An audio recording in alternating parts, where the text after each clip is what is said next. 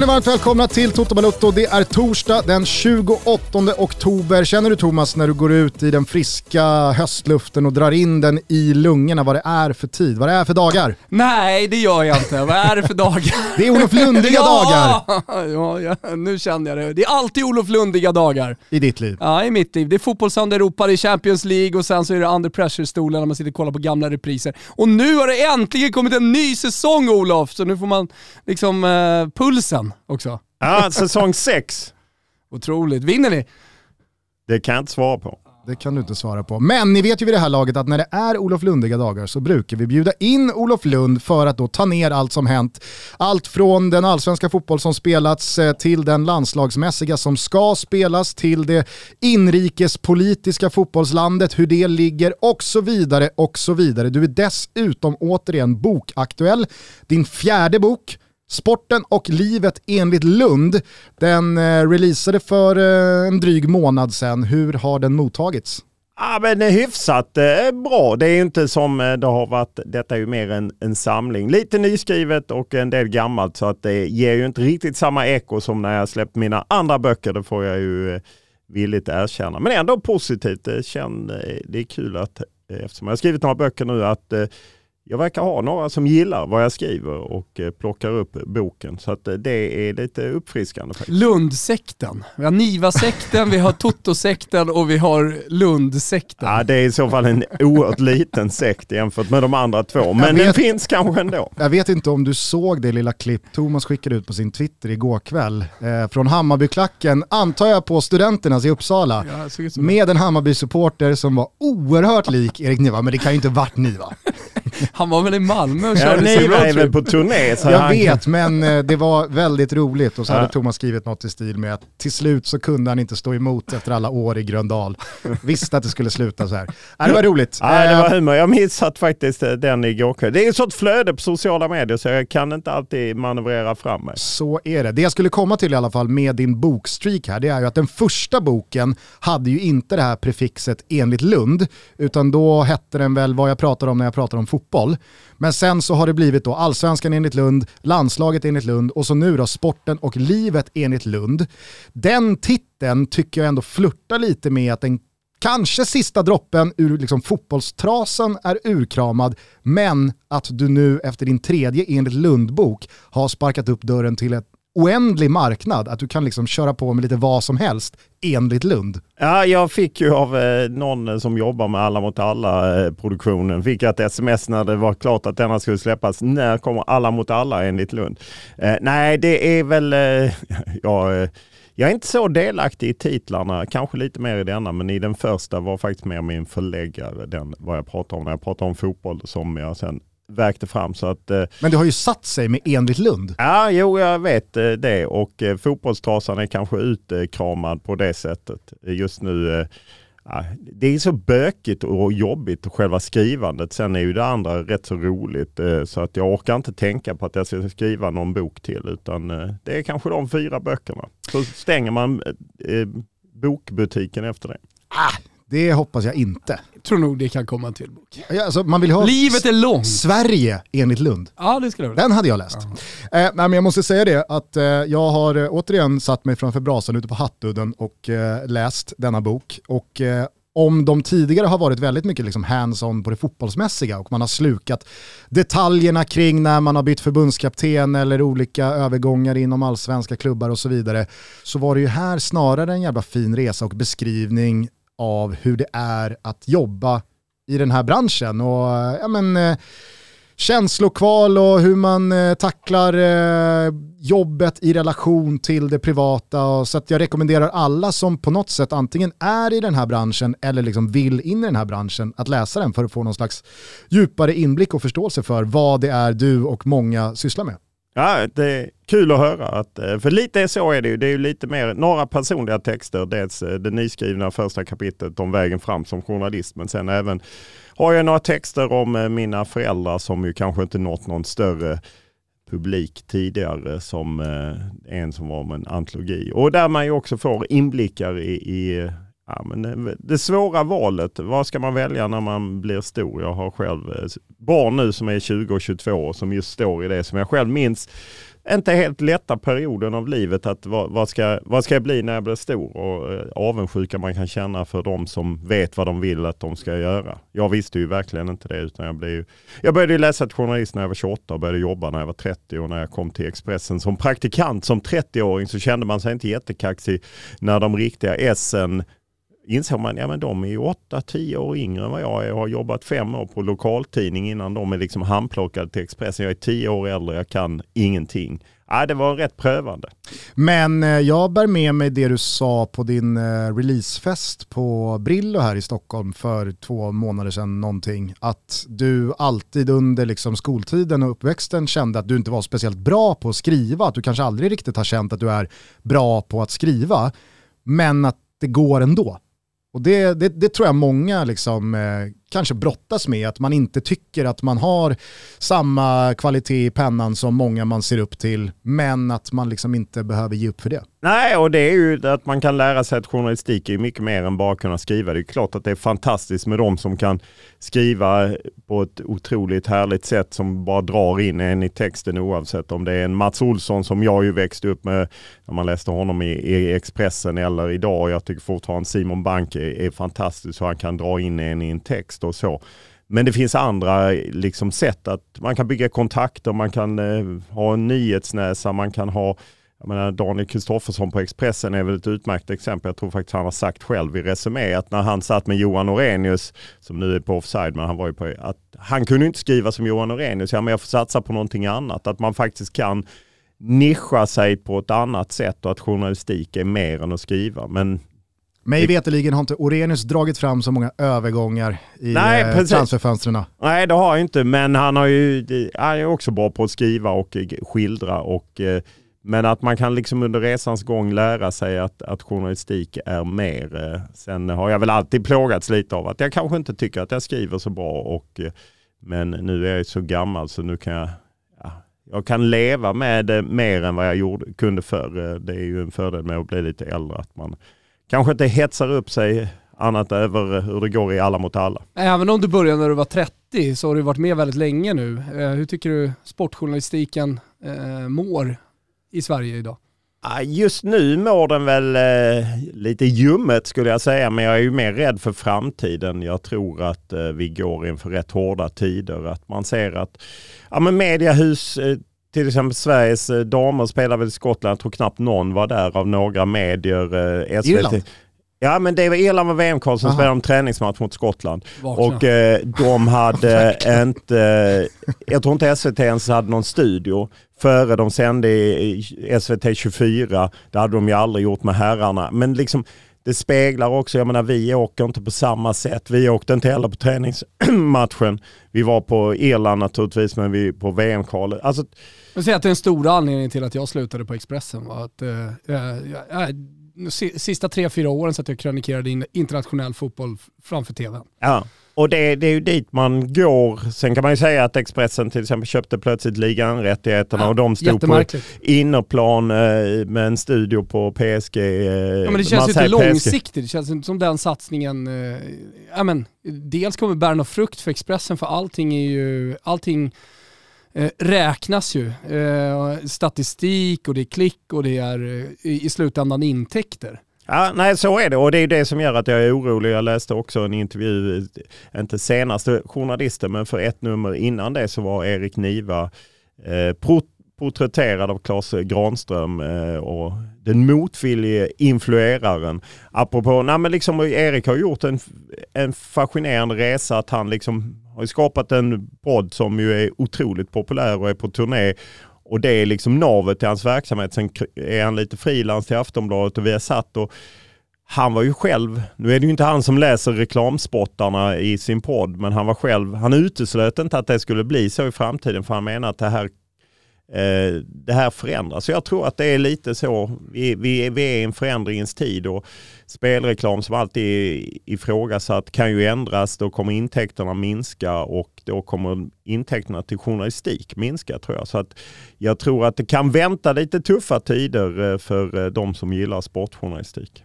Jag vet tidigare när vi har pratat om det att du har liksom ja, men, bävat lite för en framtid där, där du kanske inte har maxpuls i stormens öga. Hur länge ser du dig liksom hänga med Pratar i brintid här? framkanten? Nej, men, eh, alltså, jag säger inte att du vill eh, köra på i, i 15 år till men att du inte har den platsen utan jag tror att det snarare är liksom, hur länge orkar man gå främst i ledet och, och, och ha det driv som du har? Nej, det är en bra fråga och eh, det eh, är ju alltid lite svårt att veta eh, hur långt kvar det är på ljuset. Eh, Än så länge känner jag liksom inget slut men det är klart att jag kan uppleva att man, vi jobbar så otroligt mycket mer idag och på något sätt ökas det ju hela tiden och vi har alla ägare Eh, vi har ju Telia som ägare nu som ju köpte TV4 och Simor dyrt. De vill ha avkastning. Eh, så är det med alla ägare och eh, ja, då är det rätt tuffa krav och då känner man ju också trycket. Inte- så att eh, Telias koncernchef är på mig, men jag känner liksom något slags tryck att ja, men man måste se till att leverera podd, man måste leverera det, det, det. Och, och man vill ju inte bli utbytbara, även om alla är utbytbara. Så eh, känner jag att ja, men jag ligger i. Det är svårt att tacka nej. Alltså det, det, Precis. kunde jag, det, det upplevt också eh, på, på Expressen. Om inte jag tar den här krönikan, kunde eh, vara på den nivån också. Om inte jag tar den här krönikan, tar någon annan krönikan och då kanske ja, den börjar skriva mer och då skriver jag mindre och så finns det ingen plats för mig. Och så här. så det, det, det finns ett tryck hela tiden att leverera också.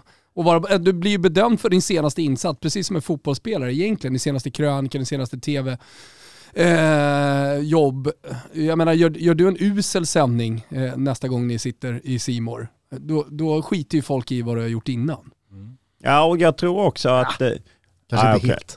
Eh, det, men, men lite har du, har du rätt i det där att rädslan av att tacka nej för att det, det är ju många som tycker att det här är roliga arbeten och vill gärna in och är beredda och jag, jag har ju själv varit där när jag var på Expressen i början då som praktikant och jag var på Nöjet. Då jobbade jag extra på, på eh, sporten, gratis liksom. Och jag menar man kan säga att Expressen utnyttjade mig men jag utnyttjade ju dem också. Alltså, och det, jag fattar att folk är sugna, tycker, för det är ju ett fantastiskt roligt jobb. Det är också nackdelen, därför det är svårt att... Det är väl också väldigt påtagligt fortfarande. Jag kommer ihåg när vi var i Malmö här eh, i deras Champions League-playoff mot eh, Ludogorets. Och vi sände väl till midnatt när eh, alla var avmyggade och mickade och hade liksom lämnat arenan så var vi ja, men en bra bit efter midnatt. Och så ringer Olofs telefon och man hör bara ja 07.20 Nyhetsmorgon, absolut, jag är på, jag kör.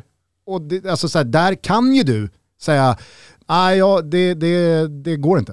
Nej, det är klart att jag kan, men det har jag inte i mig. Jag är liksom... Eh, Och så står du där i ett dike med Matte Tjärnström. ah, han knuffade ner mig för han eh, tyckte att eh, jag var för... Jag fattade inte att jag stod i en buske. Det såg jävligt märkligt ut. Och lite roligt. Ja, men där, det är ju liksom lite min... eh, Där har jag min arbetsmoral för mina föräldrar som inte lever längre men som är födda på 30-talet. De gjorde sin plikt och det gör jag också. Så om någon ringer och frågar säger jag 99 gånger fall eh, ja.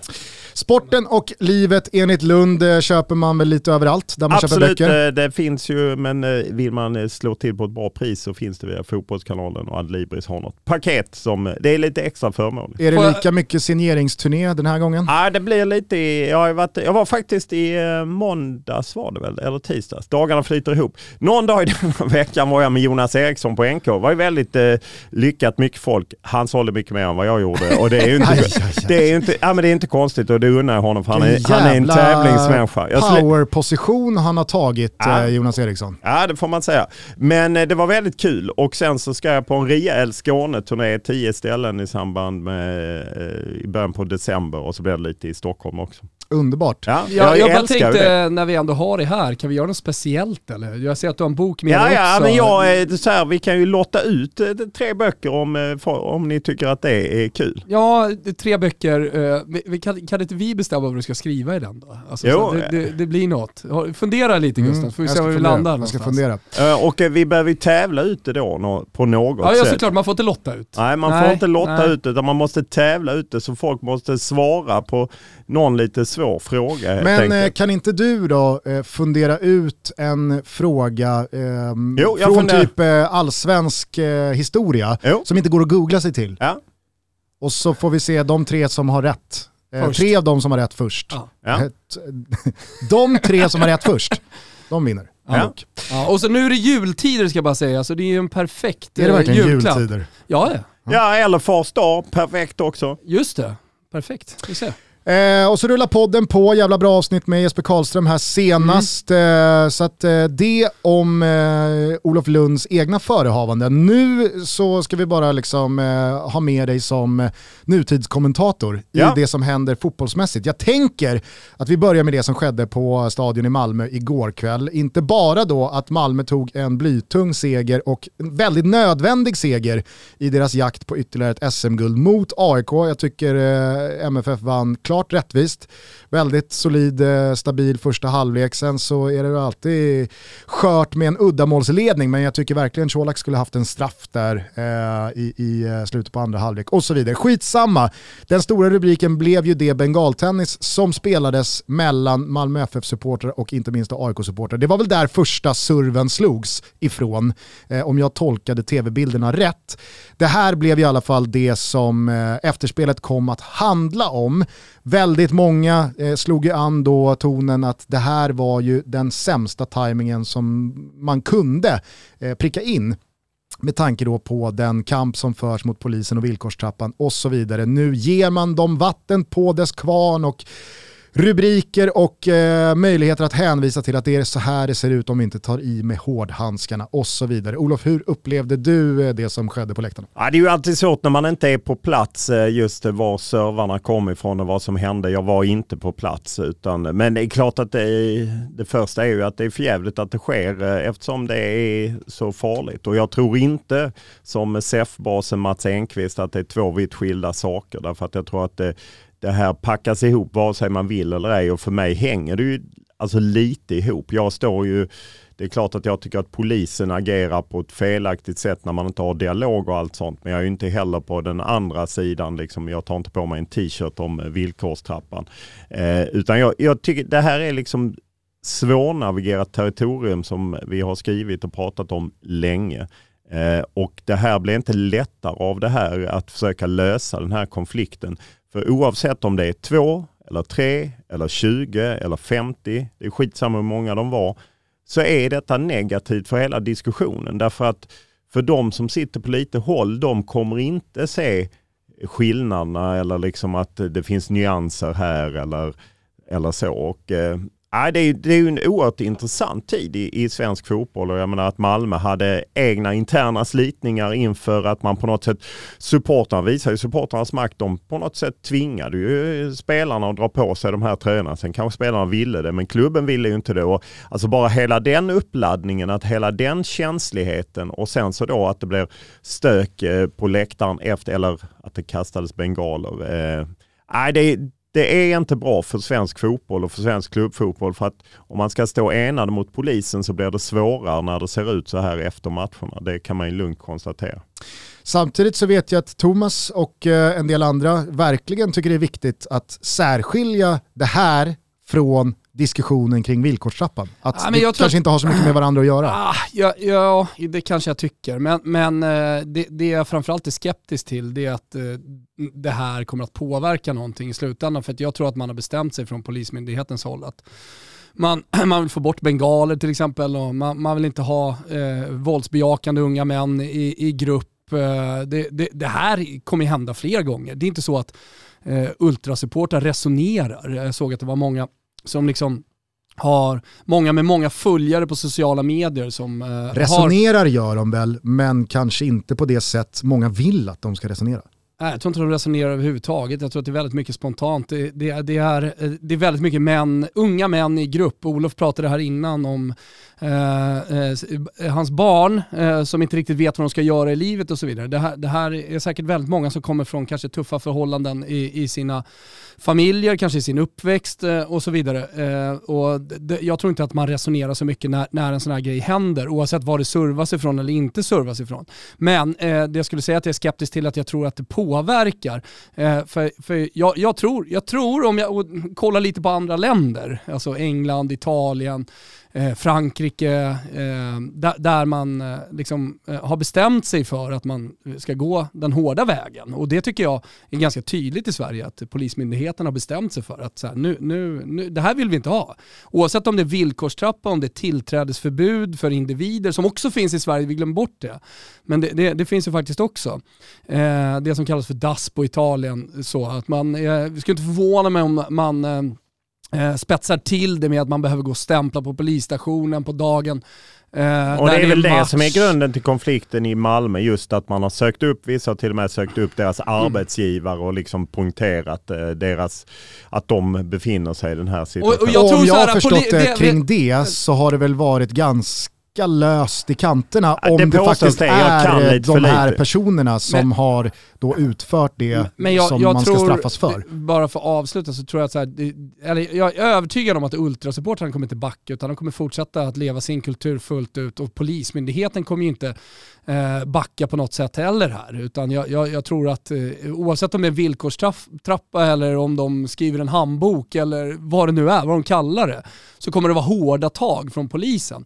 Att det här inte hjälper, det, det håller jag med om. Det är klart att det, det, det, det, hjälper ingenting. Men det kommer hända igen och det kommer vara stökigt kring matcher igen. Vilket gör att det, det finns liksom ingen klar lösning. Och kollar man på andra länder så har man inte löst det. Italien, de har ännu tuffare än vad vi har i Sverige, men det kastas fortfarande bengaler och stökas kring matcherna.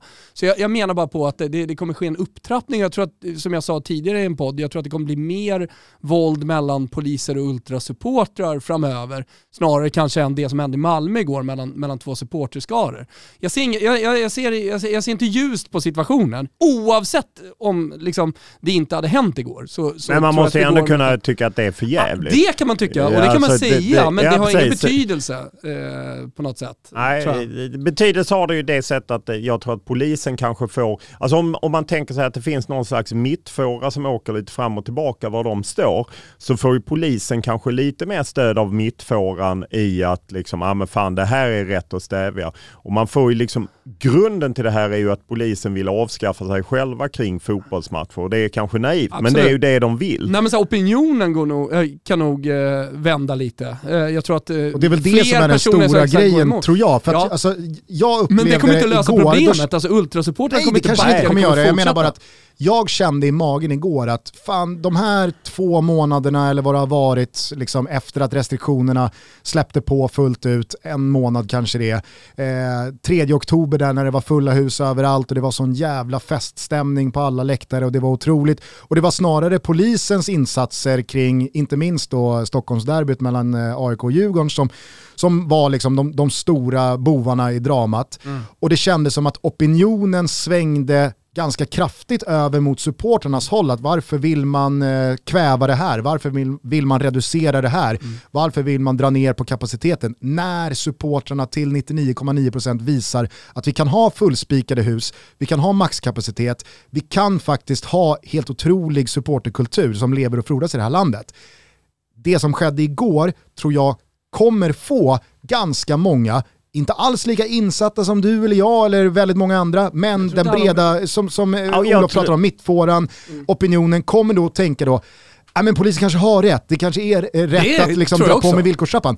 Men att det är igår på stadion i Malmö, tre, fyra, fem, kanske max tio personer som sular en bengal fram och tillbaka eh, mellan två läktarsektioner, det gör ju att, alltså jag tycker fortfarande inte att villkorstrappan blir mer relevant eller adekvat för det. För det handlar ju om att reducera bort eh, och straffa kollektivt när det är ett fåtal individer Ab som felar. Så är det, men, men om man liksom tänker att det här ändå är en kamp att man ska försöka få fram dialog så tror jag att det blir mycket svårare för Malmö FFs VD Niklas Karén att möta sponsorer och förklara jo men våra spelare står med de här Därför att för många människor så hänger det här ändå ihop och även om det bara är två eller tre som kastar, det är ju fler som liksom bryter sig ut och vill liksom söka kontakt med den andra. Alltså, det, det blir liksom svårt när man eh, reducerar det till två, tre personer. För för mig var det fler än två, tre mm. personer mm. som kanske visade att de ville göra någonting annat. Nej, men, och jag är med på konsekvenserna, jag håller helt med. Jag är med på konsekvenserna. Det, det men får, men, men, ändå... men, men, men jag, jag, jag, jag, tror inte att det kommer ändra på någonting.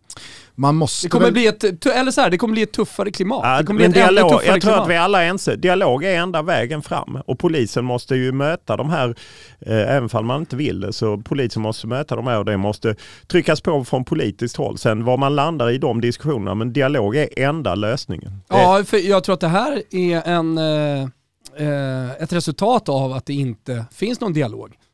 Ah, Jag har- det är för enkelt att säga. Nej men så, eh, jo, det kanske är Det, för det enkelt. köper jag inte. För att jag menar det här, jag har ändå stått på allsvenska läktare så många år. Det här har jag ju sett många gånger, även Absolut. när det har varit dialog. Så att, Jag, jag menar bara att det har trappats upp med bengaler, det har blivit mer pyro, det har blivit ett större hat mot polisen. Eh, jag menar bara att eh, eh, det, det vi kanske ser nu, alltså det här polishatet, jag menar hela Malmö stadion står och sjunger snutjävlar igår. Eh, Nej, det var väl AIK som sjöng snutjävlar och Malmö som, det var många AIK som skrev på Twitter, fjortbålsmördare. Ja, jo, ja men det, eh, exakt. Eh, jag, jag, jag, jag, säger bara att, eh, eh, kanske inte just det att de kastar bengaler mot varandra är ett resultat av att det inte finns någon dialog med polisen. Men jag tror att hela den senaste tiden, att det, eh, där det inte har funnits dialog, eh, kommer att resultera i eh, fler och fler eh, våldsaktioner som inte är mellan supporterskaror utan kanske då mer med, ja, med poliser mot poliser. Att man får mindre och mindre respekt för poliser. Så kanske också att man möts mer, att det blir mer stök kring arenorna för att man skiter fullständigt i. För jag tror att många eh, ultrasupportrar känner bara att eh, alltså så här, de lyssnar ändå inte på oss så vi gör vad fan vi vill. Och vi kommer inte backa. Jag tycker också, i alla fall eh, personligen, att det är skillnad på att stå i den där gruppen och inte kasta en bengal och att faktiskt kasta en bengal. Att 200-300 ultrasupportrar står med ett gäng äggskal emellan och hetsar mot varandra efter slutsignal i en guldstrid.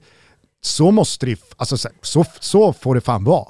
Det är väl klart att det ska kunna få vara så. Precis på samma sätt som Viktor Edvardsen ska kunna dra igång Hata Örebro-ramsan efter att Degerfors slår Örebro i det läget de gör. Men du pratar ju om känslor och Jag känslor säger- kan man jag- inte alltid jag- styra. nej, jag- precis som Viktor Edvardsen kan inte nej, styra men sina känslor precis direkt efter och fotboll handlar också väldigt mycket om känslor. Jag vill bara liksom förtydliga det.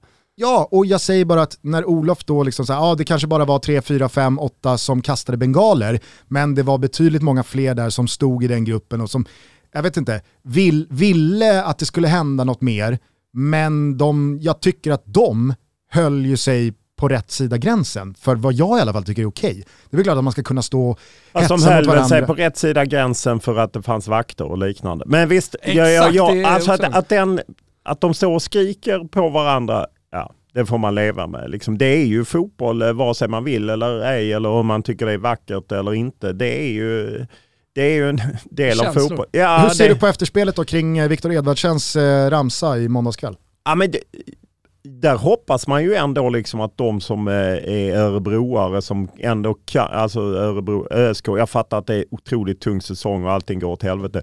Men de måste ju känna till historien mellan de här lagen och att han dras med i det. Och han har ju själv, även om det är i en annan klubb, så har ju han rötterna från liksom klacken och är ju, har ju pratat mycket, mycket om det, även om det var blåvitt. Så att, jag tycker inte det är så konstigt att han dras med i det. Sen kanske inte det, återigen, det kanske inte vad Degerfors sponsorer vill ha eller något liknande, men det får man ju tugga i sig. Det är ju bara att gå vidare liksom. Eh, precis som Thomas är inne på, det är ju känslor. Alltså, man, ja, man, alla gör inte de mest begåvade sakerna just där och då. Men han njöt av den situationen och det får man tugga i sig. Och det är också det så här, är- det är känslor, men det är också en ramsa. Ja. Ja. Vad fan är Nej, problemet? men, alltså, du, du, du ser ju det här i ehm, alla delar av fotbollen, alltså även i ungdomsfotbollen. Alltså, nu hade de, eh, si, ungdomsfotbollen sina problem, men jag var på eh, en Var final... du på cup i- helgen? Ja, eh, eh, flickor som spelar mot varandra eh, och eh, det blev hetsigt liksom, i den här finalen. Det, det smällde och någon förälder tyckte att det var rött kort och lite sånt där. Eh, och sen så blev det ett litet efterspel av det. Eh, och eh, jag, jag har liksom landat i, fan vad härligt att det kan vara känslor även i flickfotbollen som jag upplever eh, saknar känslor eh, väldigt ofta. Att man inte får säga någonting till domaren och man får, eh, man, man, det, allting ska vara väldigt gulligt, tillrättalagt och fruktstunder och sådär. Fan vad härligt att det även i, i, i flickfotbollen kan få finnas känslor och någon blir upprörd för att deras dotter blir nersparkad för sjunde gången. Och, så, ja, men att, att det lockar fram så mycket känslor även i ungdomsfotbollen, det, det är väl ett tecken på att fotboll byggs av känslor. Det är oavsett vad det är för division, oavsett vilken ålder, eh, så, så är allting i stort sett känslostyrt från supporterna. Vi sitter där på läktarna för att vi vill eh, eh, sjunga, gorma, vi vill eh, hata och vi vill älska. Och det, det kommer vi aldrig komma ifrån. Nej. Och det är väl, det är väl hela och i det här fallet så är det liksom... någonstans av fotbollen också. Nu ska jag inte sitta här och liksom berätta om vad, vad, fotbollen är för någonting, men, men ibland glömmer man bort det lite. Nej men och i det här fallet så handlar det om, vadå, 28 år av Degerfors frustration gentemot framförallt då Örebro SK, de stora eh, geografiska rivalerna som då bröt benet på Mål-Otto i mm. eh, den där septembermatchen. Var det 11 september? Det var det nog fan.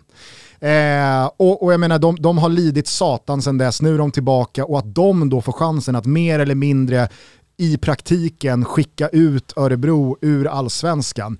Äh, men alltså den stunden att då få bränna av hata, hata, hata Örebro, det, det är allt annat än klandervärt. Ja, nej, och det går verkligen att förstå. Sen så tycker jag bara att man måste foga till det här att, att när Thomas pratar om det här är essensen om fotbollen, vi kanske alla tre är överens om det, så får man ändå ha respekt att det finns andra människor som gillar fotboll, men som inte gillar den här delen. Och det tycker jag ibland glöms bort i hela supporterdiskussionen. Det är på något sätt som att bara ultras är viktiga, eller bara de som åker på alla bortamatcher. Alltså, Valid point. Jag, jag tycker att man glömmer bort, det kommer finnas människor som tycker att, ja men varför står han inför våra ungdomar och skriker hata Göteborg. Eller hata Örebro som det var, förlåt. Hade han skrivit hata Göteborg inför måndags match så hade det varit eh.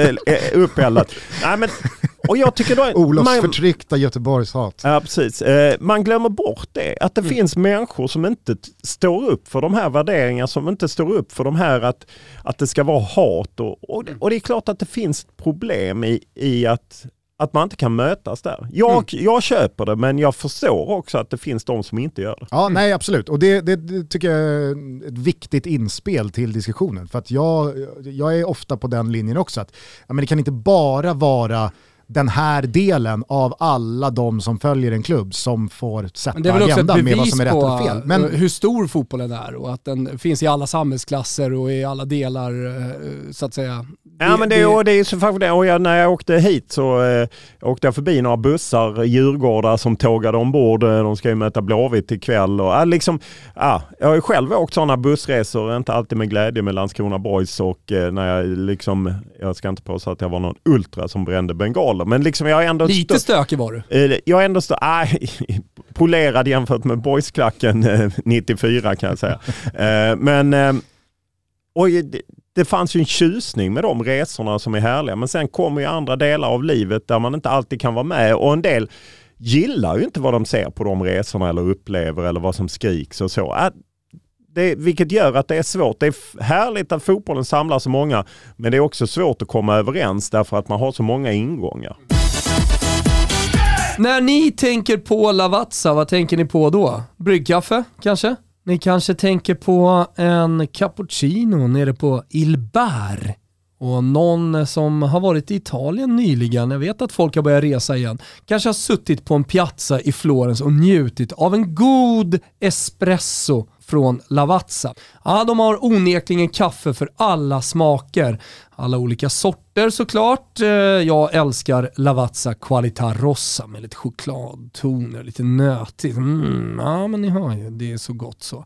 Det alla inte känner till, det är att de nu också finns som kapslar. Jajebuxingen, Lavazzas kaffekapslar, de är kompatibla med Nespressos originalmaskiner. Det är en perfekt balans mellan en äkta italiensk espresso och Lavazzas ständigt pågående engagemang kring hållbarhet. Ja men där har ni hört oss prata om tidigare. Det är i en aluminiumkapsel noll koldioxidutsläpp. Lavazza är såklart inte anslutna till Nespresso, men jag vet att det är många som har de maskinerna hemma, därför säger jag det. Just nu så har vi ett unikt erbjudande bara framtaget till er. Om ni inte har testat Lavazzas nya kapslar, ja då ska ni såklart göra det nu med vår kod TOTO20. Gå in på Delitea, D-L-I-T-E-A, Delitea och klicka hem eh, kanske Qualitarossa eller ert favorit Lavazza kaffe. Koden är TOTO20. Den är aktiv mellan den 28 oktober och den 10 november, så passa på hörni. Vi säger stort tack till Lavazza. Sponsring denna vecka från Rocker hörni! Nu börjar oktober lida mot sitt slut och nu är det hög tid att skaffa det mattsvarta med genomskinliga inslag Rockerkortet. Ni vet kortet som man bara fyller på med Swish och som kan kopplas till Apple Pay och Google Pay så att man kan lämna plånboken hemma. Ja, det kanske för vissa inte låter som en stor grej, men jag vet att jag inte är unik när jag säger att det är jobbigt att ha med sig grejer hela tiden och att det är lätt att glömma. Eller att det är skönt att bara ha telefonen i handen. Att inte hålla på och plocka upp eh, plånboken. Ja, men då laddar man på kortet med Swish och sen så pröjsar man bara med telefonen oavsett om det är Apple Pay eller Google Pay. Och lyssna på det här, man kan även sätta in sin lön på ett sparkonto. Det här är ruskigt smart tänkt av Rocker. Och så får man ränta på pengarna från första kronan. Och så tänker ni, ja men vadå om pengarna tar slut ska jag hålla på att föra över och så? Aha, men Rocker, de har tänkt till här också. De har lanserat den nya funktionen automatisk påfyllning. Vilket innebär att de för över pengar från sparkontot till Rockerkortet när saldot är för lågt. Man kan bestämma själv vilket belopp, eh, som ni kanske förstår. Så till exempel då om eh, kortet hamnar under 500 spänn så fylls det på med 500 kronor från sparkontot. Så slipp stressen med att göra överföringar vid kassan använd rockerkortet. Skaffar man det nu och genomför tre köp innan sista oktober så får man 500 kronor på kortet. Kampanjen gäller de 20 000 första nya rockerkortkunderna. Vi säger stort tack till Rocker för att ni är så himla smarta och för att ni är med och möjliggör Toto Balotto. Eh, ska vi bara kort innan vi stänger ner den allsvenska delen eh, landa bara i det sportsliga. Vad tror du den här 1-0-segern för Malmö FF i guldstriden betyder? Hur mycket håller du dem som favorit i guldet? Hur ser du på kvartetten? Eller ska vi räkna in Bayern i en kvintett? Jag, jag har svårt att räkna in Bayern faktiskt, även om de vann eh, eh mot eh, Sirius. Men eh, nu tappar de ju Christiansen som klev av i paus och han sa själv efter matchen att eh, ja, kliver man av efter eh, en halvlek så är det klart att man är osäker till nästa match. Ja, det här kommer bli en kamp. Eh, det är klart att det svänger lite och nu ska Djurgården då spela på gräs helt enkelt och inte konstgräs och Blåvitt som kanske vaknar till liv, det vet man inte. Samma sak Elfsborg ikväll också, ja. på Stora Valla mot just Degerfors. Precis, så, så att nej, det är ju där är jag ju avundsjuk på de eh, som eh, jobbar på Discovery som följer det här för att det, det, är ju häftigt med allsvenskan och närheten och allting. Och dessutom en sån här säsong när så många lag är med och med största ja. sannolikhet är med in till sista omgången ja, också. Det kan men, ju vara så att vi kommer in där med tre eller till och med fyra lag. Det är ju som 2019 när Djurgården i Norrköping och ja, hela den upplösningen. Det är ju Otroligt. så otroligt häftigt. På tal om supportrar bara och känslor. Jag har aldrig sett alltså, starkare känslor än när Norrköping gjorde 1-0 på Djurgården från Jesper Hoffman.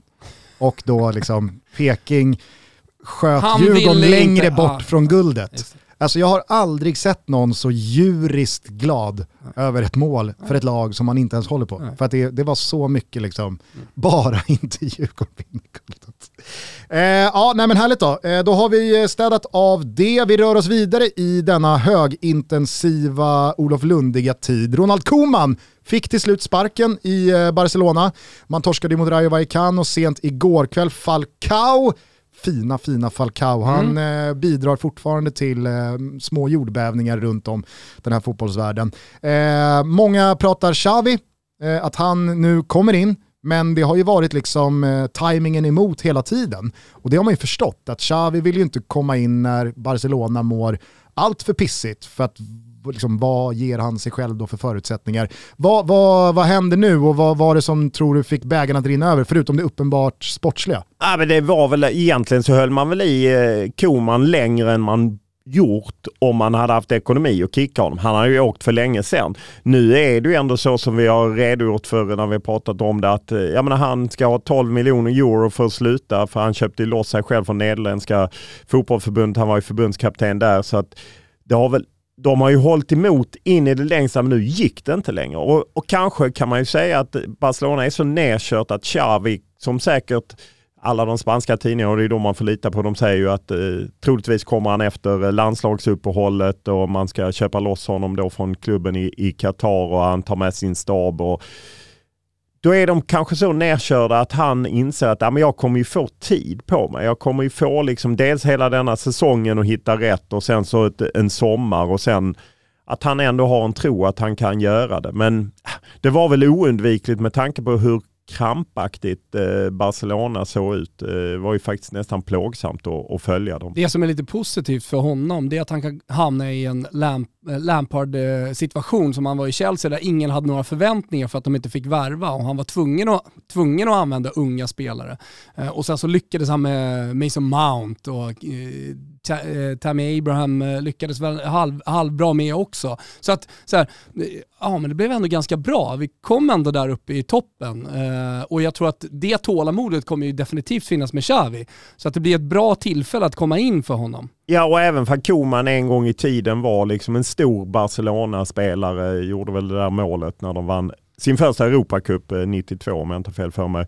Så är ju Xavi en eh, mycket större ikon och mycket närmare i tid och på något sätt förknippad med hela den här epoken. Eh, Guardiola och liksom när de vann sex titlar i en säsong och så. Att han, det blir ju någonting annat, liksom tiki-taka. Eh, eh, återkomst. Så att, eh, och med tålamod, jag tror det är ja. viktigast. Att, eh, att liksom få tillbaka honom. Hade han börjat när säsongen eh, startade i augusti så hade han kanske ändå haft lite resultatkrav på sig. För det hade ju Koman. Men nu, nu blir det lite lugn och ro. Alltså, oavsett vad det blir så kommer folk vara nöjda i sommar och då kan man kanske börja bygga Å andra sidan, lugn och ro. Har Barcelona överhuvudtaget ens råd att missa Champions League?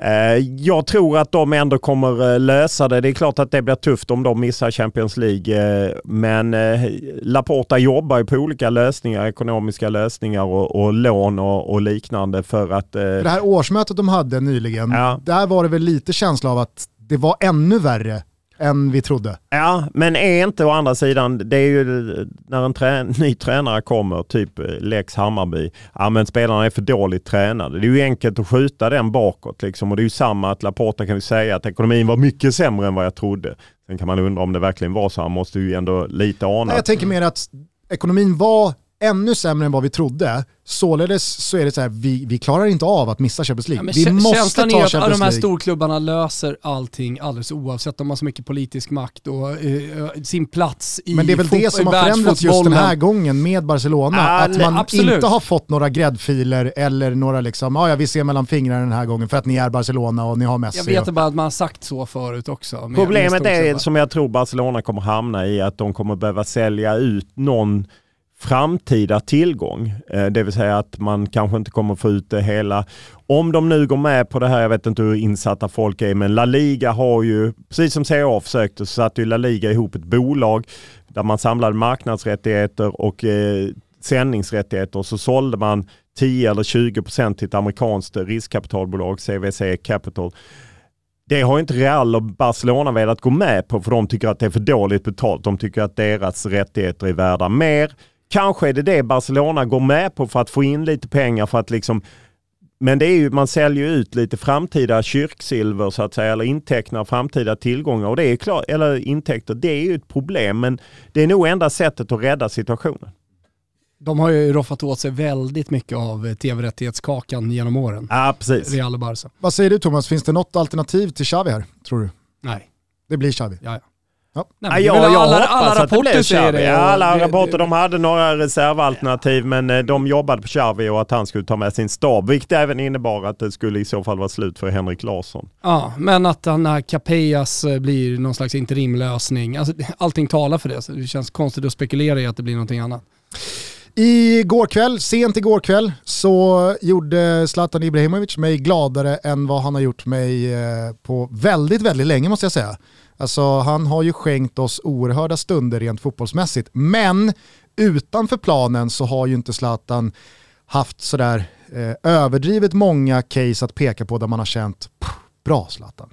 Jävlar vad den satt i krysset i eh, ja, men, eh, ställningstagande eller lite gliringar eller eh, resonemang. Där har han ju inte liksom strösslat med briljans. Men igår, väldigt eh, liksom tidigt på bollen av stora fotbollsspelare runt om i världen, så valde han ju då att lyfta Adelaide United, alltså det australiensiska lagets spelare Josh Cavallos video där han kommer ut som, vad jag förstår, den enda öppet homosexuella, Aktiv. professionella, aktiva fotbollsspelaren idag.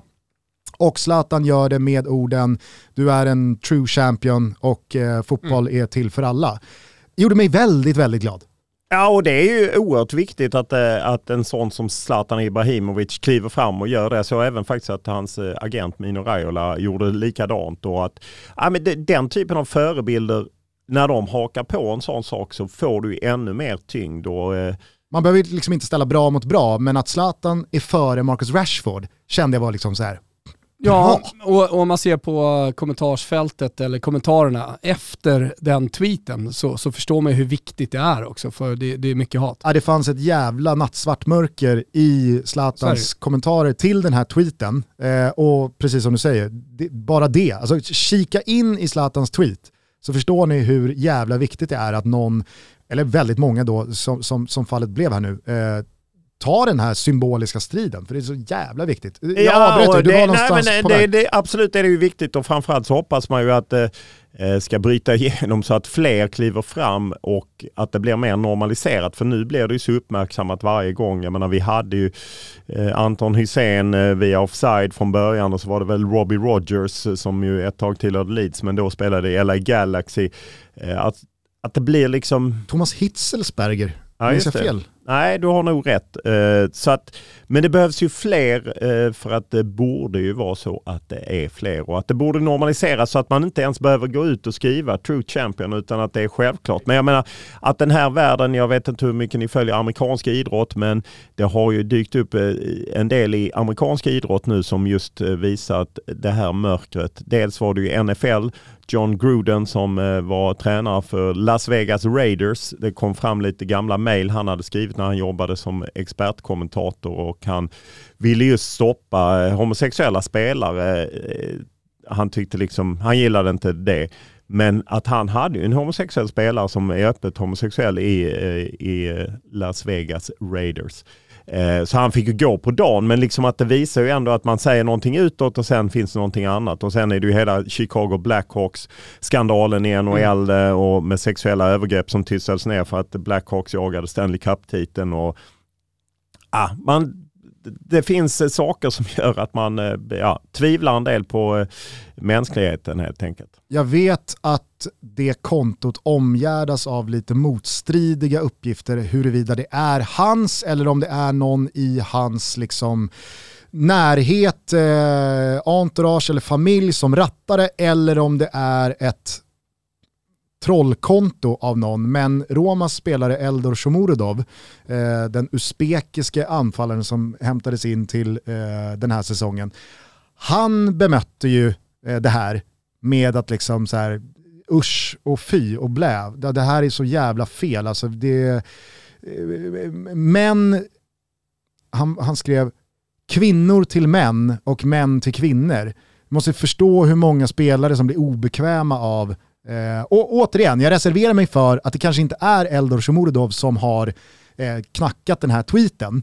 Men Roma behöver ju liksom, de behöver gå till botten med vad fan det här är, är vem det, här, det är som rattar det där kontot. Återigen ett, ett, ett snarare en, en, spegel av hur världen ser ut.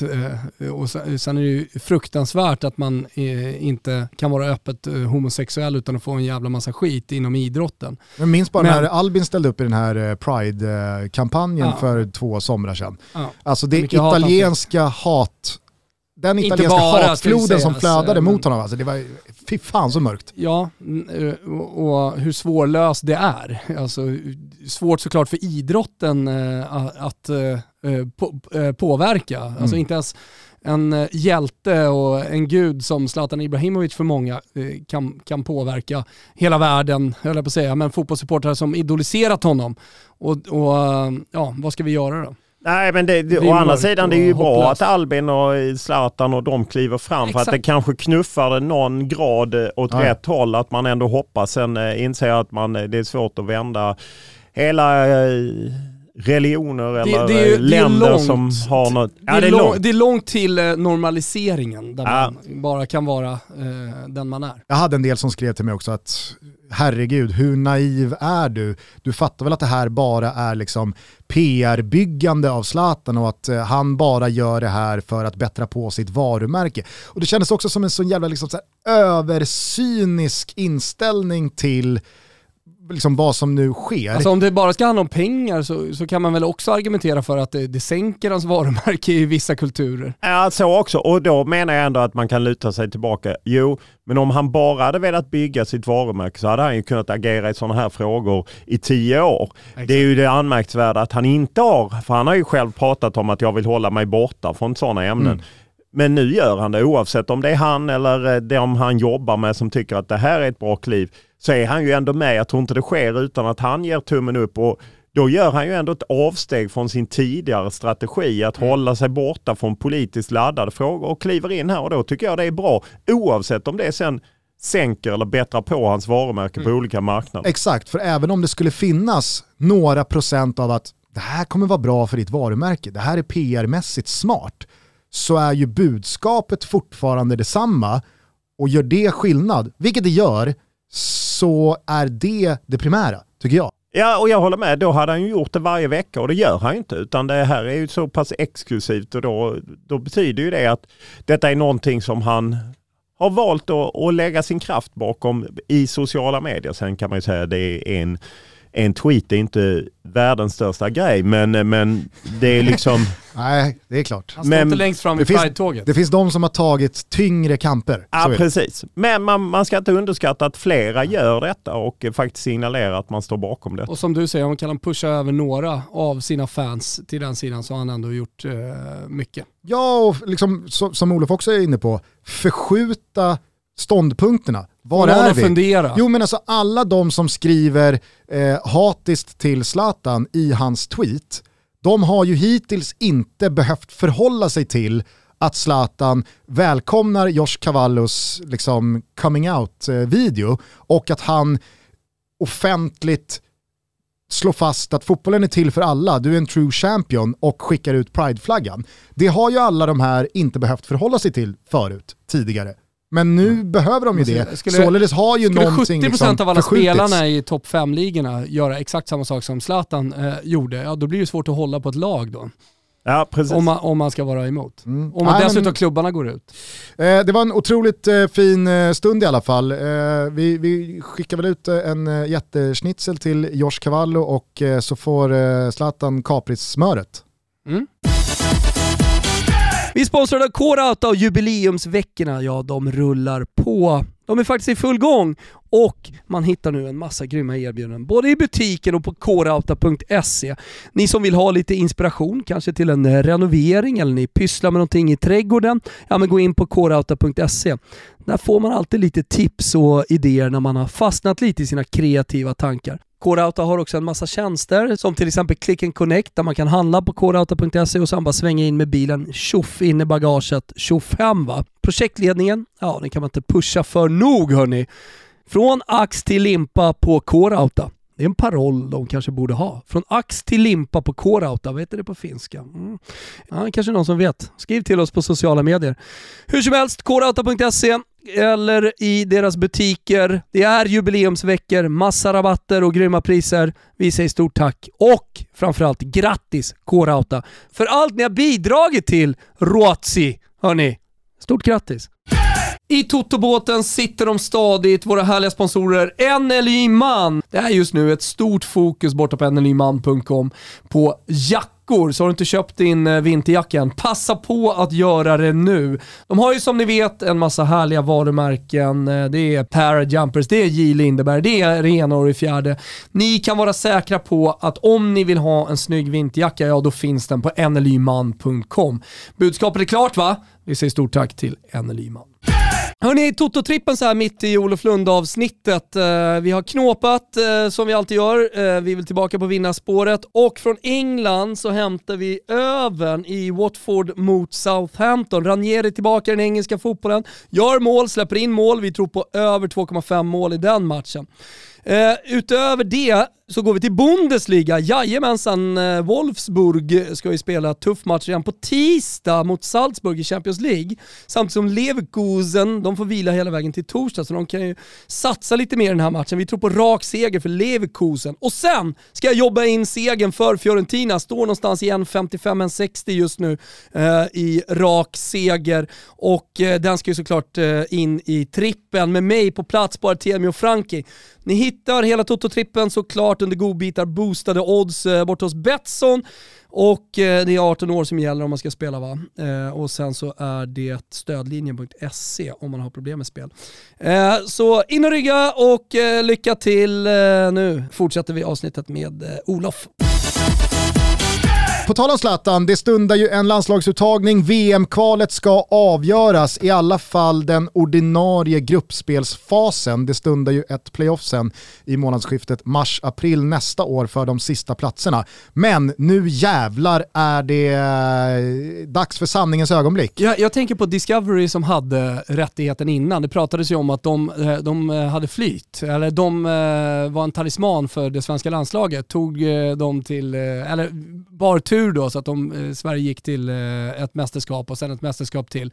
Var står Simor här? Är ni en eh, bra Nej, talisman? Hittills eh, är det ju ett av ett mästerskap. Ja, så ni är hundraprocentiga. Så, så, vi är ju hundraprocentiga och ja. då kan man ju ändå notera att det sades Eh, lite på något sätt att man inte trodde på landslaget efter Zlatan. Det. Eh, men eh, det har ju ändå varit ett bra drag kring landslaget. Nu kanske Zlatan kommer tillbaka. Det är ju uttagning på tisdag. 12.00 tar Janne Andersson ut truppen och ja, jag menar Zlatan Ibrahimovic kommer ju vara med förutsatt att det inte får något bakslag. Sen var det intressant, min kollega Andreas Sundberg intervjuade Janne Andersson i veckan och där han ju ändå tyckte att, ja, nej, Zlatan var inte jättebra i helgen men det var ju bra att han fick spela, att han ändå kunde vara så tydlig. Men det är klart att han kommer vara med. Men det är ju lite skadeoro. Jag sa att Kristoffer Olsson mm. eh, eh fick kliva av för Anderlecht. Eh, Albin Ekdal hoppade ju bara in. Han har haft eh, skadeproblem och så. Så att, lite nervöst och sen undrar vi ju alla hur ska Marcus Danielsson som sitter på ett karantänshotell i Kina, hur ska han ersättas? Är det så att... Ja, han kommer inte nej, han, komma tillbaka. Nej, han kommer inte tillbaka. Jag var lite osäker kring det nej, i senaste han, avsnittet. Vem vet vad som händer med Marcus Danielsson? Jag mm. gör det inte i alla fall. Nej, men han, han, han har åkt till Kina och han sitter där. Det är ju tre veckors karantän eller om det är fyra innan du kommer in i landet. Så han kan ju inte bara direkt åka tillbaka och sen sätta sig på det karantänshotellet igen. Så att, nej, han och då undrar man ju hur eh, Filip Helander då Ja, Helander är borta. Han är också out. Ja, så att det är ju frågan, ringer Janne Andersson till Pontus Jansson eller inte som vi många har eh, tjatat på? Ja, jag vet inte, Ponne har ju själv stängt dörren liksom, men samtidigt han har ett stort hjärta också. Vi pratade ja, om känslor tidigare. Ja, alltså ja, och liksom ändå har gjort det bra i Brentford. Eh, lagkapten, vuxit, fått vila några landslagssamlingar. Det är lätt att bara hoppa in och spela. Ja. Det finns ju Men ingen... då, och hur gör Janne i så fall då? Om han ringer säger han du är given bredvid Victor Nilsson Lindelöf. Ja, det är intressant så att det, eh, det lär vi väl få reda på eh, på tisdag hur, hur det blir eller om det blir då Jocke Nilsson. Och det som gäller är ju Jorgen borta, Svensk seger där eh, så ser det ju bra ut och några timmar efter den matchen så är det ju Grekland-Spanien. Och Precis. Greklands hopp lever ju lite fortfarande men de behöver slå Spanien. Exakt, det är eh, förutsättningarna i korta drag. Eh, fyra poäng för svensk del räcker för gruppseger. Så ja. är det. Men om nu Grekland skulle gräva fram en trea mot Spanien i Aten, ja, då räcker det med eh, en vinst mot Georgien så är det klart. Då absolut. kan vi åka och glassa Till och med ett eh, kryss i Aten räcker. För då har, eh, då har Spanien tappat fler poäng. Då, om Sverige slår Georgien och Grekland kryssar mot Spanien, då har Spanien tappat fyra poäng. Just det, då, då har vi fyra poäng. Då, då kan vi åka och glassa i Sevilla ja, precis. också jag tror, på det sättet. Jag tror det är så, för att de har ju tappat sju poäng rättare sagt. Georgien borta. Ja, Jorgen borta är inte lätt. Batumi, eh, så att nej det blir, det blir tufft och just med lite skador. Och tajt, eh, de samlas ju i Stockholm eh, måndag och så ska de åka onsdag till Jorgen och match torsdag och sen är det match söndag då. Och nej, det, det blir tufft. Hur, hur ser det ut för er? Åker ni ner? Ja, jag åker ner på onsdagen eh, till... Och passning från Gusten och Lasse i studion? Ja, jag vet inte om... Nej, jag, jag jobbar inte med Nej. de svenska ah, okay. VM-kvalsändningarna. Ah, du brukar jobba med... Nations League. Nations League, precis. Ah, ja, ja. Okay. Eh, så att... Nej, men så att jag åker ner med några kollegor. Jag tror att det är Matte Tjärnström som är i Georgien och Frida Nordstrand i Spanien. Och, eh, så att det, det blir eh, till Batumi och tillbaka till Stockholm, sen direkt vidare till Sevilla. Så att det blir en spännande upplösning. Och det man vet om playoffet är ju att det är ju, Sverige kommer bli sidat. Så första Semifinalen kommer man få hemma om man blir tvåa i gruppen. Mm. Och det där playoffet, det är alltså i, i vår och det är då samtliga tvåor i VM-kvalspelet med de två bäst rankade gruppsegrarna från Nations League i fjol. De tolv lagen slåss om tre VM-platser via då singelmatcher i semifinaler och finaler. Så är det och det man vet är att det kommer bli antingen Wales eller Tjeckien. De kämpar om andra platsen i en eh, VM-kvalgrupp. Den som blir trea där tar den ena platsen av Nations League-laget. Och sen är det till 99% sannolikt att det blir Österrike den andra. Och de, så de två och tio grupp två. Och så lottas man då in i, i en fyra helt enkelt, där fyra lag gör upp om en eh, VM-plats. Så det blir ju inte som Italien hemma borta Nej. 2017 utan nu spelar Sverige en hemmamatch och sen så lottar man var finalen spelas där man då möter vinnaren. Så det blir 90 minuter och förlängning två och matcher, ja, alltså. två matcher. Har du också en lika stark övertygelse som vi och kanske framförallt våra kompisar i vår WhatsApp-grupp League Fan TV att om det nu blir playoff så kommer det vara playoff-final mot Norge? Nej, men det är väl inte omöjligt. Eh, Norge ju, kan ju vara med där och, och rota runt. Eh, de kämpar väl, är det mot Turkiet, de kämpar om att ta andra platsen. Eh, så att, eh, det är... Turkarna fick ju in en blytung eh, ja. straff i 99 ja, minuten. Jag, jag har glömt vem eh, krönikören var som var vansinnig på den svenska ja, domaren. Ekberg va? Ja, som Ekberg tyckte han, ja, Ekberg fick knappt träda in på en paddelbana och döma. Men vet ni vad som slog mig mig igår, Nej. det var att alltså, vi kommer ju precis från en generationsväxling i landslaget. Således så kändes det som att, ja men bra, nu, nu har vi det här landslaget på plats och så ska det vara ett bra tag framöver. Men om det nu skulle bli så att vi eh, missar gruppsegen i kvalet här nu eh, och så blir det playoff och vi givetvis förhoppningsvis inte då eh, bränner, men bränner i playoffet. Ja, då har vi alltså nästan två och ett halvt år till nästa mästerskap. Och luktar det då inte lite generationsskifte igen med tanke på att vissa spelare då ja, men är ett par år över 30-strecket och kanske inte har sådär jättemycket motivation för att gasa vidare i två och ett halvt år. Det kanske inte ens är rätt eh, att låta dem gasa vidare utan snarare då utnyttja det tidskapet till eh, att, att spela in den, den nya yngre generationen. Jo, eh, och det är väl en del spelare. Man kan ju misstänka kanske Albin Ekdal, Martin Olsson, Eh, ja, en del av dem kanske liksom fasas ut eller fasar ut sig själva. Det är ju frågan. För att det, det är ju konstigt. Om man Sverige missar så spelar man ju någon slags Nations League-turnering. Pandemin har ju ritat om hela liksom kartan så den spelas ju i juni. Mm. Eh, och sen lite, i, lite, VM också i december. Ja, precis. VM. Och sen så är då själva kvalet till eh, EM i Tyskland 2024 är ju hela 2023. Det är det jag menar. Mm. Skulle vi bränna då eh, i början av april 2022. Ja, men alltså, som du nämner, Martin Olsson, Albin, Robin Olsen kanske? Ja, inte purung. Eh, Robin Quaison.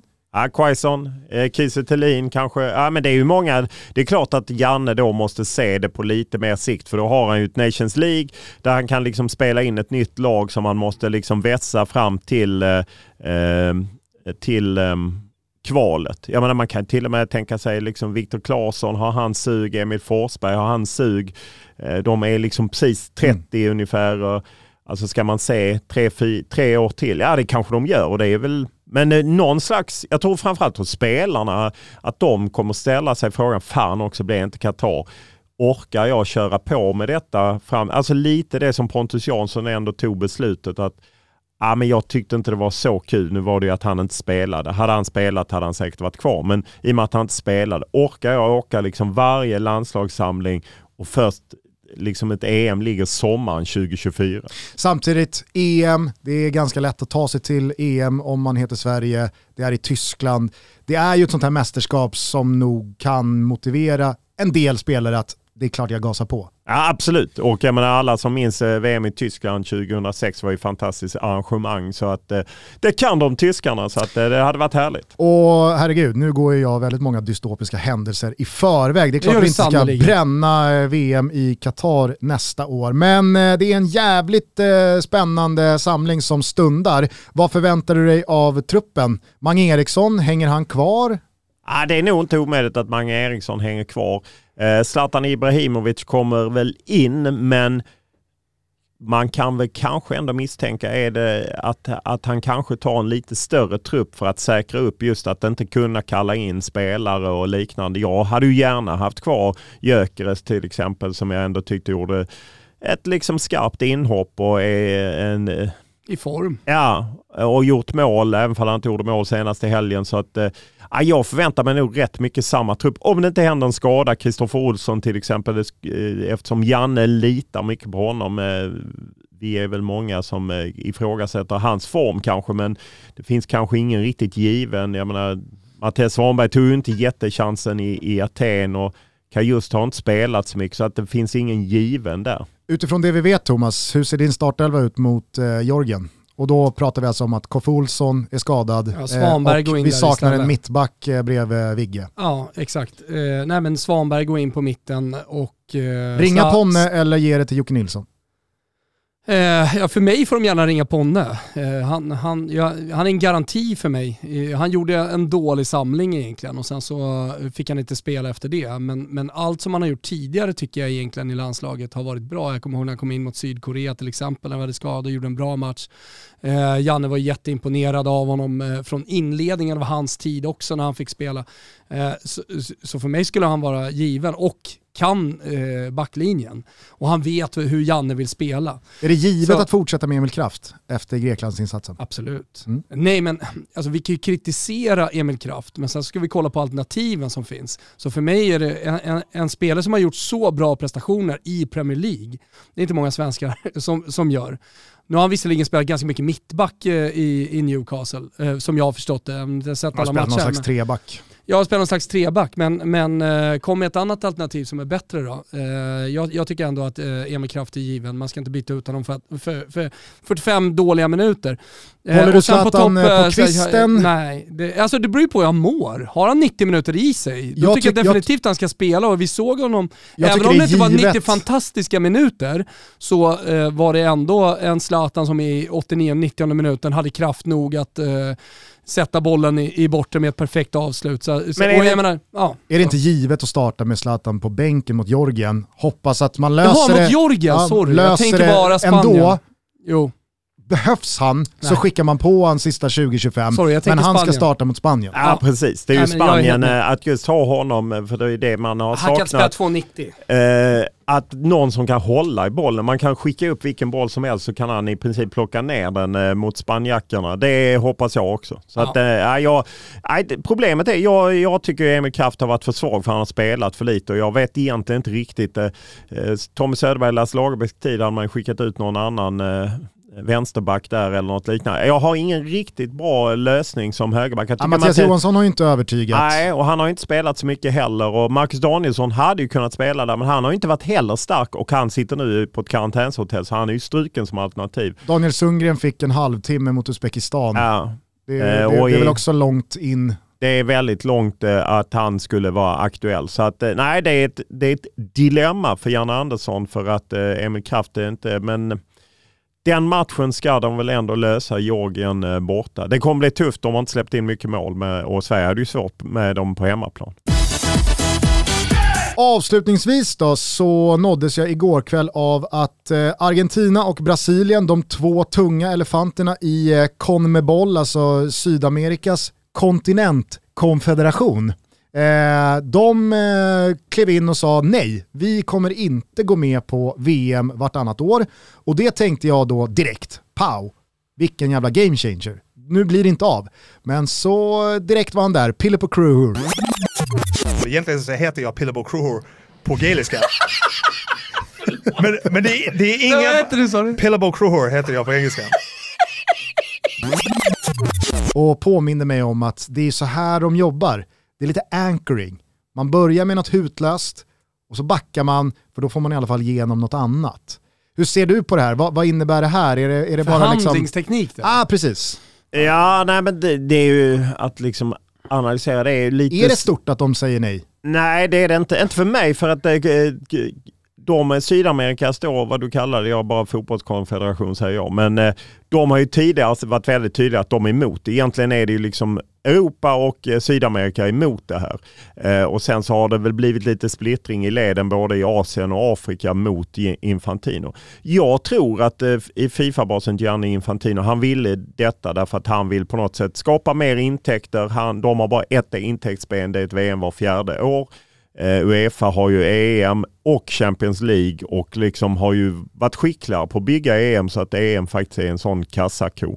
Eh, och det är liksom en del av den här maktkampen. Jag tror att de verkligen vill det. Sen tror inte jag att han, jag tror att han trodde att han skulle kunna kuppa igenom det och nu försöker de väl rädda det och de gav ju eh, klubblags-VM, fick ju eh, Förenade Arabemiraten. Det är ju också ett annat av hans projekt det här att utöka klubblags-VM för att försöka få in mer intäkter. Allt handlar om pengar som vanligt och rätt cyniskt och deprimerande när man tittar in i det på det sättet. Så Brasiliens och Argentinas tydliga nej till det här tror inte du påverkar utgången? Vi kommer börja spela VM vartannat år från och med 2030. Nej, det, det, jag är inte säker på det, utan det pågår ju en kamp och det är klart att Brasilien och Argentina, de väger ju tyngre kanske på ett sätt än hela Sydamerika ihop eftersom de är de de är med VM-titlar och tradition och att många länder kanske länder, jag tror att det är lättare för länder i Afrika och Asien att lyssna på Brasilien och Argentina än att de lyssnar på Tyskland och England och Frankrike. Eller nu har Frankrike faktiskt öppnat för att de kanske vill vara med på två eh, VM eller VM vartannat år.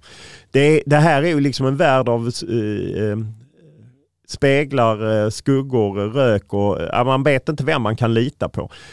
Jag tror, det är långt ifrån säkert att det blir VM vartannat år därför att det är så många som är emot och de försöker ju naturligtvis köra ihop sitt motstånd och eh, Infantino vill ju att det skulle vara omröstning redan i december. Det är väl klart att det inte blir omröstning i december i den här frågan och eh, eh det man önskar är ju kanske att spelarna, och då menar jag inte gamla spelarprofiler som Fifa flyger ner till Qatar och, och winar och dinar och sen är de med och stöttar Fifas förslag. Utan jag menar de spelarna som är aktiva idag.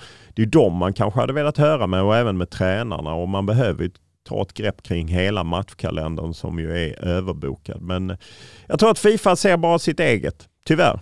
Och om jag då frågar dig lite liksom på, på ja eller nej maner är det oundvikligt med VM vartannat år? Det är bara en tidsfråga om när. Eller kan motståndet stå emot och vi har 20, 30, 40, 50 år framöver med VM fortsatt vart fjärde år?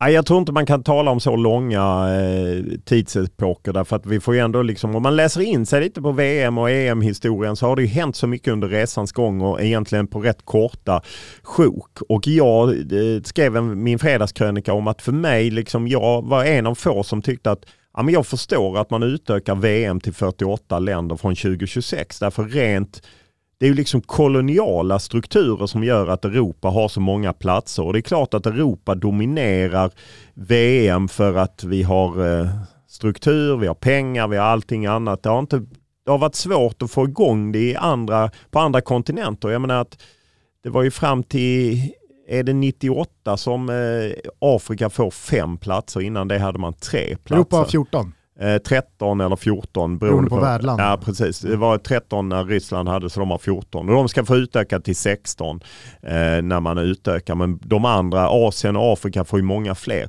Jag förstår att när Fifa har vuxit till 211 länder att man måste utöka. Det är på samma sätt som att eh, EM har, gått, har vuxit så mycket för att Ja, men plötsligt har Uefa 55 medlemsländer. I början av 90-talet när det var EM i Sverige 92 och 8 deltagande länder, då var det lite över 30 länder som var medlemmar i Uefa. Jag fattar att man måste utöka och just i, i VM så är det koloniala strukturer som inte alltid är så smickrande för Europa.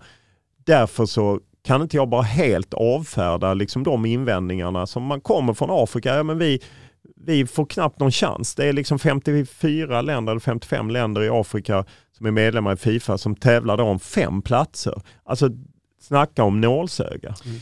Eh, 2026 så delar ju Mexiko, USA och Kanada på VM. Det är fortfarande in the dark med 2030. När kommer det beslutet?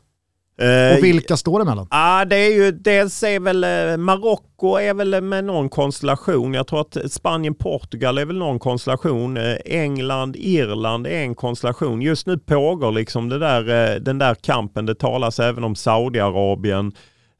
så att... No kan, nej men det kan ju inte bli Saudi. Kina, ja det är många. Sen så finns det ju då de finkännarna menar att hundra år efter det första VM spelades i Uruguay så måste fotbollen återvända till Sydamerika med bas i Uruguay men spelas i några andra länder. Så att, eh, ja, eh, svårt att veta helt enkelt. Den kampen pågår liksom. Mm.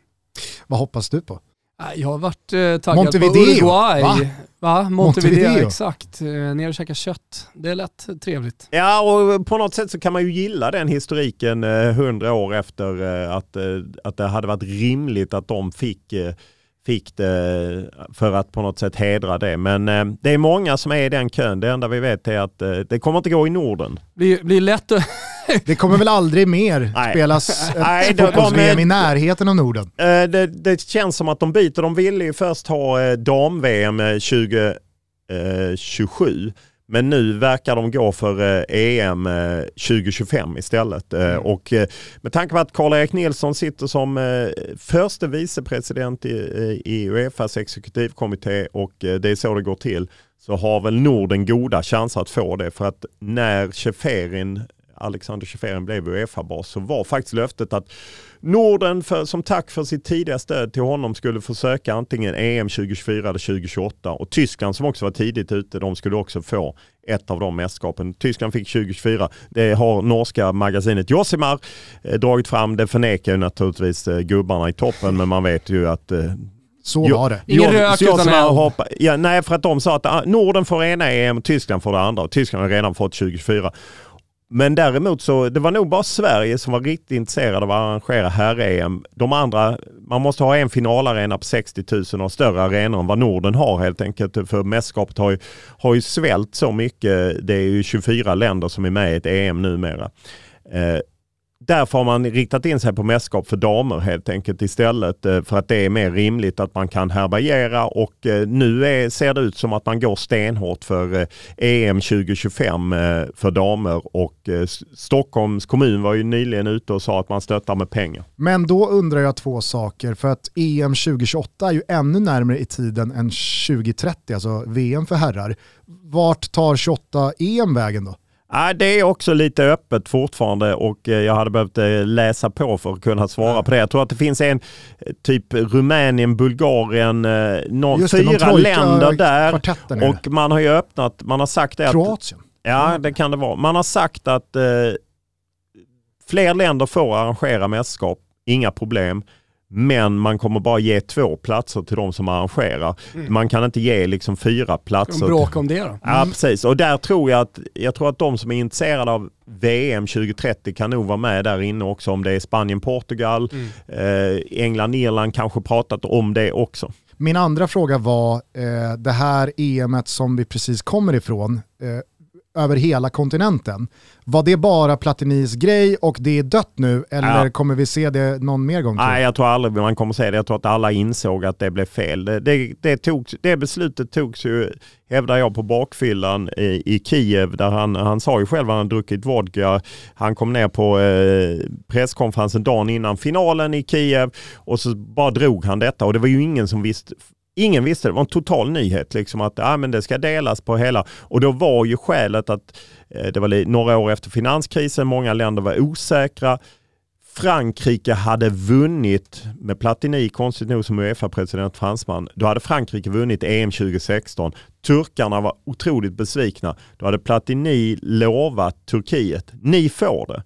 Eh, 2020. Satt en rävsax där. Ja, men då var ju Turkiet också så att vi ska inte bara ha EM, vi söker OS 2020 också, sommar-OS. Och det gillade inte Platini, så då sa han till Turkiet, ni får stryka era OS-ansökningar. Men det vägrade de att göra. Och då bara bestämde han, då fanns det inget annat alternativ. Då bara bestämde han att det här, nu kör vi på det andra alternativet. Sen fick ju sommarens mästerskap lida jävligt mycket av pandemin. Alltså med både flytt och sen att det var som det var med restriktioner och PCR-test och, och resning. Och så, ja, liksom... Absolut, jag menar bara att hade det varit normala förhållanden mm. eh, i, i världen så kanske det hade blivit en större succé än vad det blev. Ja, sen tror jag att en aspekt som jag kan skämmas att jag inte ställde frågor om där i Kiev var ju klimatet. Men mm. klimatet var inte en sån högaktuell fråga 2012 och det får jag väl eh, gräma mig över. Men det var ju ingen som ställde utan det handlade mer bara om att ja, men liksom, hur ska supportrarna komma? Ja men det finns lågprisflygbolag sa Platini. Eh, så att det, det, var, det var en annan tid tyvärr. Ja.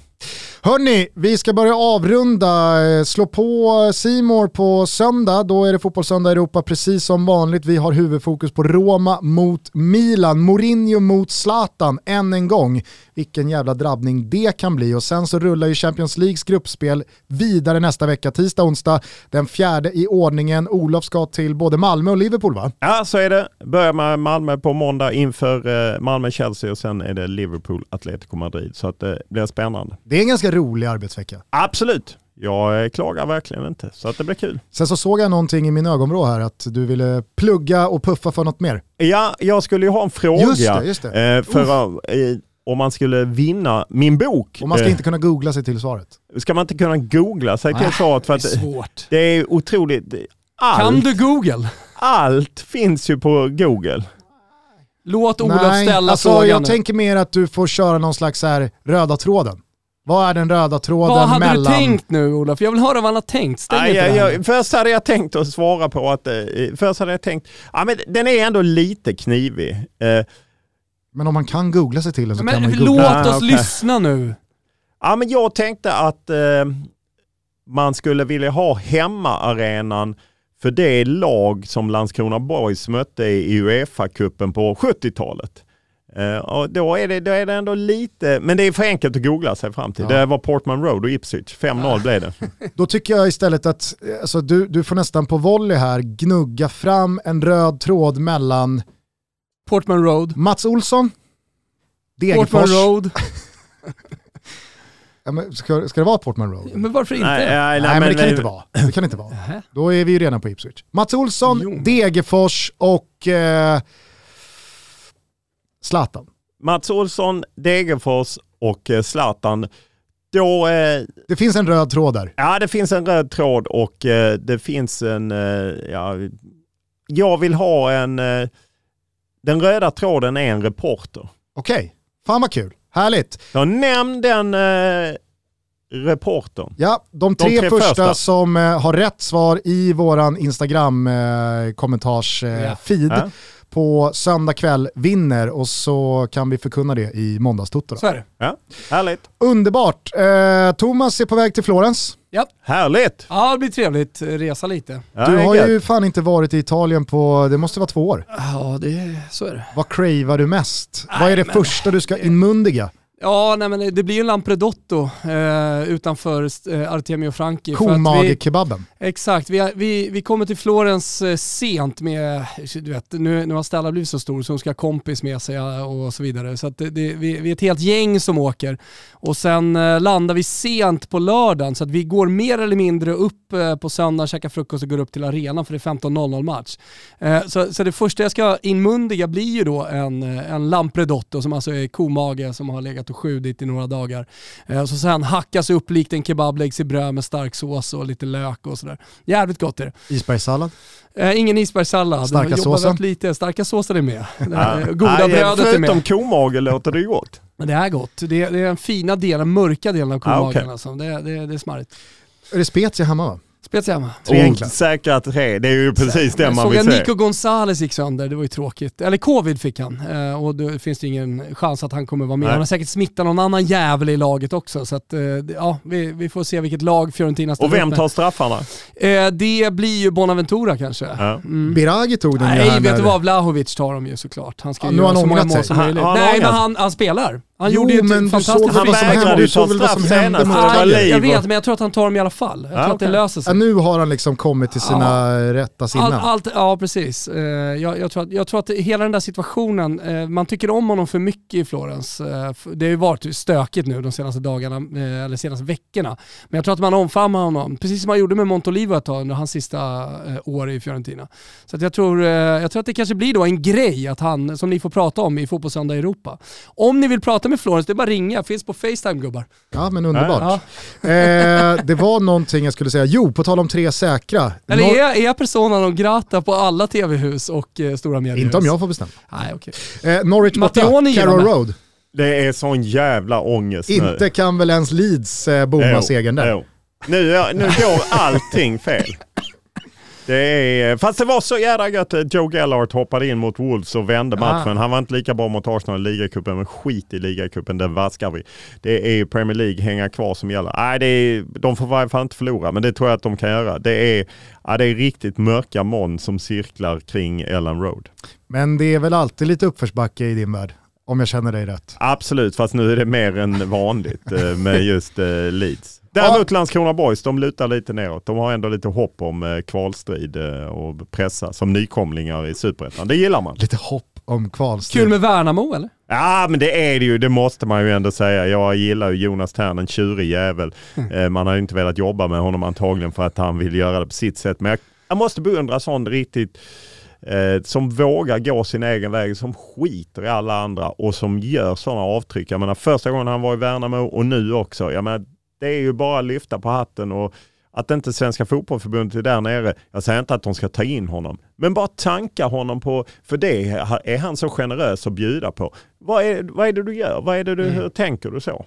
För det är en liten egen inte, verksamhet hela Värnamo väl? Ja, ja, men positionerar han sig inte också med de här resultaten som att man kan inte tycka, tro eller tänka något annat än att Jonas Tern är otroligt bra på att liksom kanalisera ut sin otroliga fotbollskunskap. Men det är väl inte bara begränsat till A-laget utan det är väl hela verksamheten? Ja, han var hela verksamheten, sen gick han över till A-laget och... Eh, Lämna men- ett arv ändå. Ja, på, på något sätt. Men jag menar, han är ju...